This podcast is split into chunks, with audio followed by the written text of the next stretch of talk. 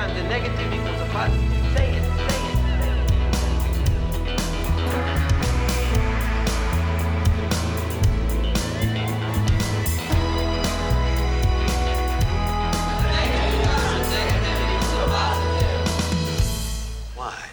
Välkommen till podcasten Anpassa skolan med Jimmy och Cissi. Idag är terminens sista avsnitt. Eller hur Cissi? Mm, avsnitt 10. Avsnitt 10 och idag ska vi gå igenom eh, vad vi har tagit med oss från de nio första avsnitten. Precis, vi tänkte sammanfatta lite. Och eh, vi har ju också fått mail och kommentarer från alla och vi tänkte ta några av dem. Och vad vi har lärt oss och förhoppningsvis vad ni har lärt er. Exakt. Och vilka ska vi börja tacka då? Ja, vi har ju startat ett samarbete med Teknologiskt institut som är ett utbildningsföretag. Och då tipsar vi om deras eh, konferenser som är i september. Framförallt SO-dagarna 11-12 och MPF-tillgänglig skola. Och då är det så om ni anmäler er till de konferenserna så får ni rabatt om ni anger Anpassa skolan som rabattkod. Ja, men då går vi in på vad vi, har, vad vi tar med oss här från de här avsnitten vi har spelat in. I början där så pratade vi om relationen och relationspedagogik. Mm. Och det var ju utifrån boken När mallen inte stämmer som Kent Hedvåg har skrivit. Ja. Och eh, det jag tar med mig mycket därifrån det är dels att det var så pass många som tre utav 25 eh, som inte klarar, eh, ja, får godkänt i åtta betyg och får eh, behörighet att läsa vidare till, välja något gymnasieprogram. Just det, grundskolebehörighet. Ja, och där menar ju Kent att relationen är det som kommer göra störst skillnad och det som är framgångsfaktorn för att få så många elever som möjligt att klara de här betygen och kunna gå vidare. Ja, och det är ju en sån där lite, vad ska man säga? Vi kan ju göra hur många anpassningar, mallar, kartläggningar, utredningar som helst och lägga fram till elever, föräldrar, lärare. Men om vi ändå inte ens har pratat om relationen så spelar det ingen roll hur många utredningar vi gör tror jag. Och det var väl det han menar på och även det tänker vi när vi jobbar i vårt arbete. Att en, ett papper kan aldrig ersätta relationen du själv bygger upp med din elev. Nej, och relationen kommer först. Allt annat blir sekundärt, tänker jag. Att när man har byggt relationen, då kan vi jobba vidare och börja ställa krav och ja, börja utvecklas. Börja jobba med elevens utveckling.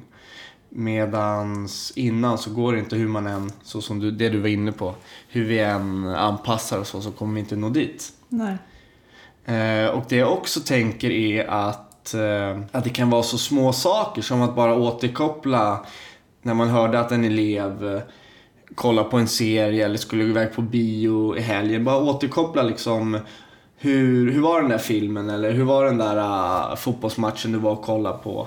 Bara en sån sak så visar man att man har lyssnat och att man, då tror jag att eleven, eh, att man känner sig sedd.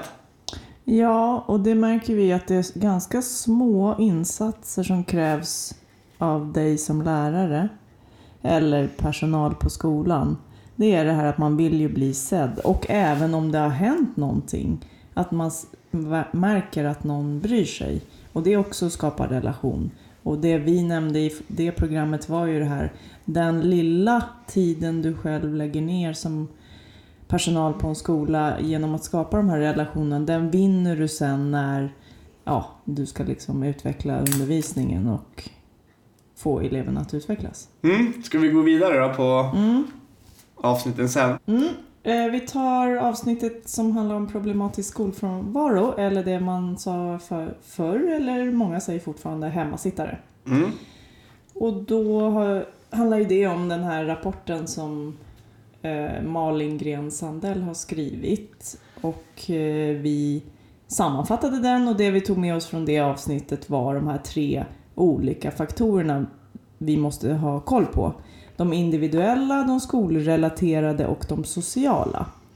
Och det är ju alltså, har eleven ett individuellt problem, att man kanske har eh, depressioner, sociala problem, ångest och så vidare. Eller är det skolrelaterade problem, att det är inte rätt anpassningar i skolan eller det är en stressig miljö, man kan vara utsatt för mobbing och så vidare. Eller är de sociala faktorerna, alltså att man har problem i hemmet, våld, missbruk, olika Ja, sådana saker. Ja, och vad tar man med sig av de här då, faktorerna? Dels måste man veta, man kartlägger dem och sen måste man också kartlägga, vi pratar om kartläggning av ströfrånvaro eller är det hela dagar? Handlar det om lektioner? Är det lärare som det inte funkar med? Är dagen för lång? Är det olika tider varje dag? Och så vidare. Det är det man kan tänka på och komma ihåg när det gäller när du märker att en elev börjar med att utebli från skolan. Och sen återigen så pratar vi också om samarbete. Du som lärare måste samarbeta med alla lärare på skolan, elevhälsan och så vidare. Det var det vi nämnde där. Ja, och jag tar även med mig där, tänker jag, att uppmärksamma det tidigt. Ja. Att det var en väldigt stor... Det var väldigt viktigt. Och vad betyder tidigt? Så snabbt som möjligt. Och man märker redan efter är eleven borta alltså några dagar, ta tre, fyra, fem dagar och man undrar, då ska du ju genast återkoppla. Hör med vårdnadshavare och ja. Mm, eller om du ser det här äh, ströfrånvaron. Den uteblir alltid på idrotten. Och även att man tar med eleven i den här dialogen. Varför det har blivit så, hur man kan... Vad man kan göra för typ av förändringar för att, att underlätta för eleven att komma på skolan. Mm. Och sen eh, avsnitt nummer tre så pratade vi om undantagsbestämmelsen, även kallad pysparagrafen. Och det är nog den frågan vi har fått, den, det avsnittet vi har fått allra mest frågor om. Som vi fortfarande får frågor om faktiskt. Som vi fortfarande får mail om och eh, folk frågar. Och det sitter ju lärare med just nu denna vecka, troligtvis. Ja, och det jag tar med mig därifrån det är ju verkligen att det är en supersvår bestämmelse och att det är väldigt, väldigt många som eh, har problem att använda den här och en osäkerhet hur den ska användas. Vad var det som egentligen viktigaste i det programmet som vi sa då? Det viktigaste är att man ska... Jag tänker så här att elevens funktionsnedsättning inte ska vara ett hinder för att få ett visst betyg när man, när man, som man ska använda till att söka sig vidare till högskolan eller om det är på högstadiet söka sig till rätt gymnasium. Ifall det är funktionshindret som stoppar eller eh, ja, begränsar eleven att få ett E eller ett C eller att inte ens få ett betyg så ska man där använda undantagsbestämmelsen. Men det är jätte, jättesvårt och det, och det kräver att, eh, att läraren har en otrolig kompetens om just det hindret, funktionsnedsättningen. Mm. Så det är kanske inte egentligen att man har problem med undantagsbestämmelsen. Det kanske handlar om att man kanske inte heller vet om ens elev har, eller vilken typ av funktionsnedsättning. Så det är där man kanske ska börja. Och ta hjälp då, igen. Av skolsköterska, kurator, rektor, specialpedagog. Hur ska jag tänka? Och där kan man även se om man läser mycket på Skolverkets hemsida och går in på specialpedagogiska myndigheten att även där äh, så tycker och resonerar om olika. Ja, det är sant, när vi har läst om det. Så det är nog tydlighet. Men ta hjälp. Det är väl det vi tar med oss Ta hjälp. Och de lämnar ju hela tiden till att det är upp till Alltså att göra en lokal bedömning. Och det är upp till läraren och skolan. Ja, och sen så hade vi ett avsnitt som handlade om ADHD och autism hos flickor. Och då hade vi lyssnat på Svenny Kopp föreläsning.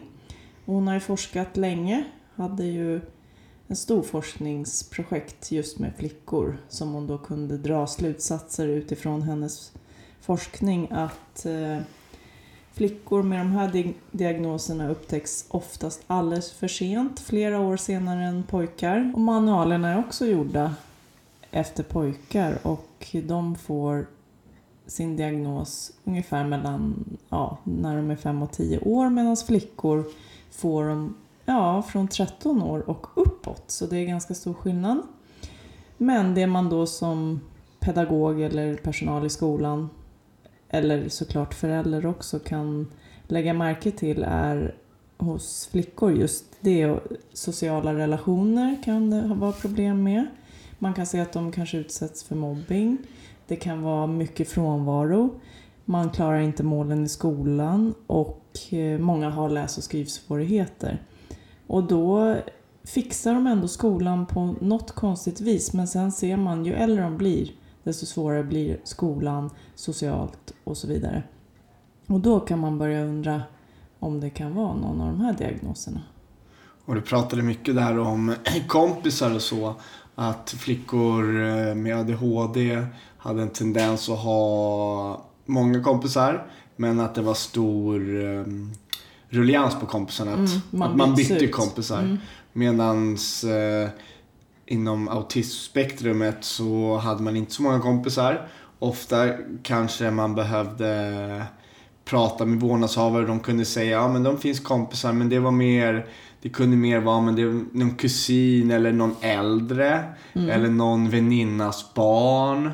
Och de här kompiskontakterna menar hon Sven Kopp är inte samma sak. Nej, precis. Och utifrån det avsnittet som handlade om ADHD och autism hos flickor så intervjuade jag en av våra gamla elever som berättade precis hur det hade varit för henne. Eh, Och hon hade också fått sin diagnos för sent, tyckte hon. Och det är avsnitt fem då, en intervju vi gjorde. Mm, det var jättekul att se att det gått så bra för henne idag. Mm. Det tar jag med mig. Mm.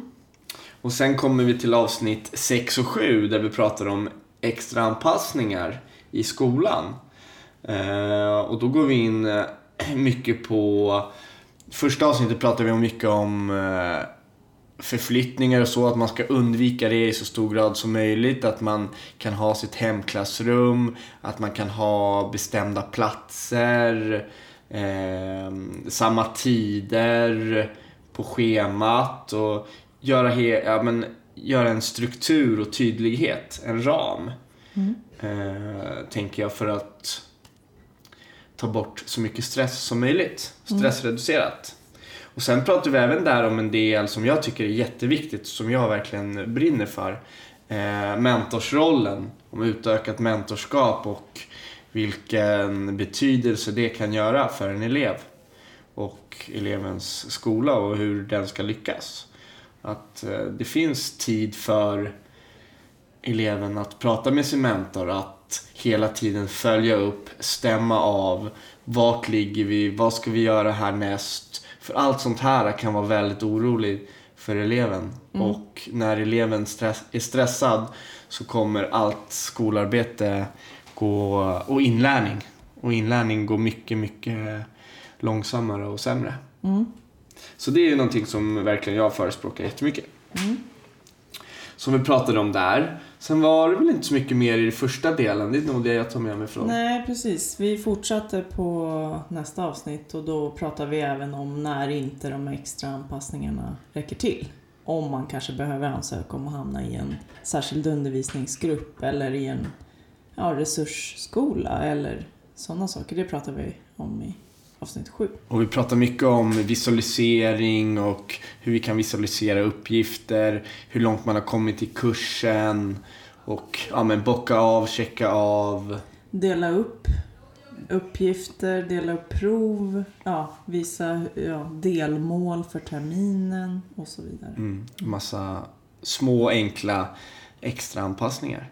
Och så pratar vi även om den här Pomodoro-tekniken där man bryter upp eh, ett pass i flera små, eh, gärna med en, time, time, med en timer och eh, där man får några minuter och vila hjärnan och göra någonting som ger en energi och eh, så man får koncentration tillbaka och kan fokusera igen.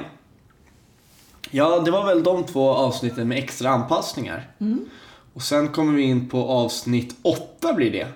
Och där pratar vi om särskilt begåvade elever.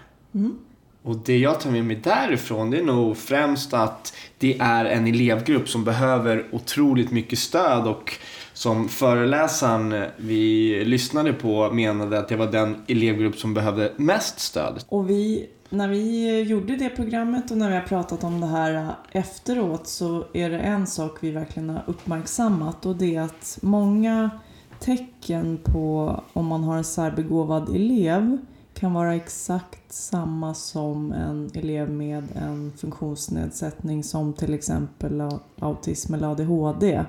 Vi kan bara läsa ett exempel. Eleven kan ha svårt att släppa en aktivitet och gå vidare till nästa. Hen önskar gå till botten med allt. Avbrott kan orsaka stor frustration. Det är precis det vi ser när vi har elever med autism till exempel. Ja, och det jag också tar med mig det härifrån det var att han säger att det som tycks vara den eh, största framgångsfaktorn är att de här eleverna möter eh, upplysta lärare som tycks förstå dem. Mm.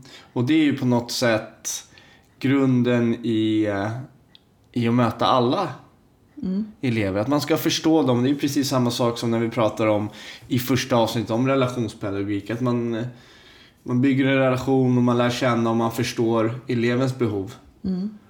Men det vi behöver tänka på är att en sär, särskilt begåvad elev, det är inte en funktionsnedsättning. Nej. Och sen avslutar vi med det sista programmet som vi hade för två veckor sedan som handlar om psykisk ohälsa och stress. Som är också verkligen ett hinder för många elever. Ja, vi kan verkligen koppla det här avsnittet till många andra. Och det är ju genom att veta hur man stressreducerar eh, för elever i skolan. Där vi pratar om hur man kan upptäcka psykisk ohälsa, vad det är för någonting och vad det beror på och vilken hjälp man kan få. Dels som lärare, förälder eller elev. Vi tar upp tips och hjälpmedel. Mm, det var det sista avsnittet vi har gjort för den här terminen. Eh, ja, förutom det idag då. Och jag tänker att vi sammanfattar vår sammanfattning. Mm. Och den röda tråden vi har haft denna termin, vad skulle vi säga att det är? Den röda tråden är absolut att man ska bygga en relation med eleven. Eh, någonting som vi kanske inte egentligen pratar om men det ligger där under hela tiden. Det är att man har ett mjukt och eh, varmt förhållningssätt. Att man, möter, att man inte möter hårt utan man möter mjukt. Det har vi inte varit jättetydliga med men det ligger någonstans i en underton där. Eh, så det tar jag med mig. Och sen har vi verkligen eh, pratar mycket om och tänker på vad som spelar roll för eleverna i skolan. Det är ju att du har ett bra samarbete med dina kollegor och ja, hela ledningen och hur en skola vill driva framåt sådana här frågor. Det spelar jättestor roll. Och samarbetet även där med, med vårdnadshavare och eleven. Så hela den stora skolan och hela skolan där allting vad det innebär. Eleven, allt vad det och vårdnadshavare. Och sen ifall det, i vissa fall så har vi även alltså kontaktfamiljer och sånt då, såklart. Ja. Men alltså hela processen, att alla samarbetar med varandra. Att man eh, är mycket bättre tillsammans. För att alla elever är olika. Även om eh, det finns vissa likheter såklart. Mm, och det en till grej som vi vet spelar roll det är tydlighet och det visuella för de här eleverna. Visa, rita, stycka upp, dela upp och sådana saker. Stå inte och prata i 20 minuter utan paus. Utan gör kortare stycken och så vidare. Och även att man inte låter tiden gå utan man uppmärksammar saker tidigt. Om man är orolig så är det bättre att prata med sina kollegor, eleven och vårdnadshavare direkt istället för att tänka ah, men kanske är jag som inbillar mig. Hellre en gång för mycket än en gång för lite. Och då gäller det allting egentligen. Med frånvaron, med, med allt liksom. Med, och betygen. Och, ja, psykisk ohälsa, stress och ta hjälp. Det är väl också en viktig grej, en röd tråd i allt det här. Kan du inte få hjälp av dina kollegor eller vårdnadshavare eller eleven, ta hjälp av andra på skolan. Ja, det var väl lite det vi hade tänkt ta upp idag och eh, vi ser fram emot nästa termin och gärna få lite mejl och förslag från er vad vi ska ha för avsnitt i höst. Och ni kan mejla oss på anpassaskolan@gmail.com. Och så finns vi även på Facebook, Twitter och Instagram. Så gå gärna in och följ oss och kommentera vad ni tycker och tänker. Det tycker vi är jätteroligt att höra. Och så får vi önska en trevlig sommar så syns vi i höst. Ja, trevlig sommar.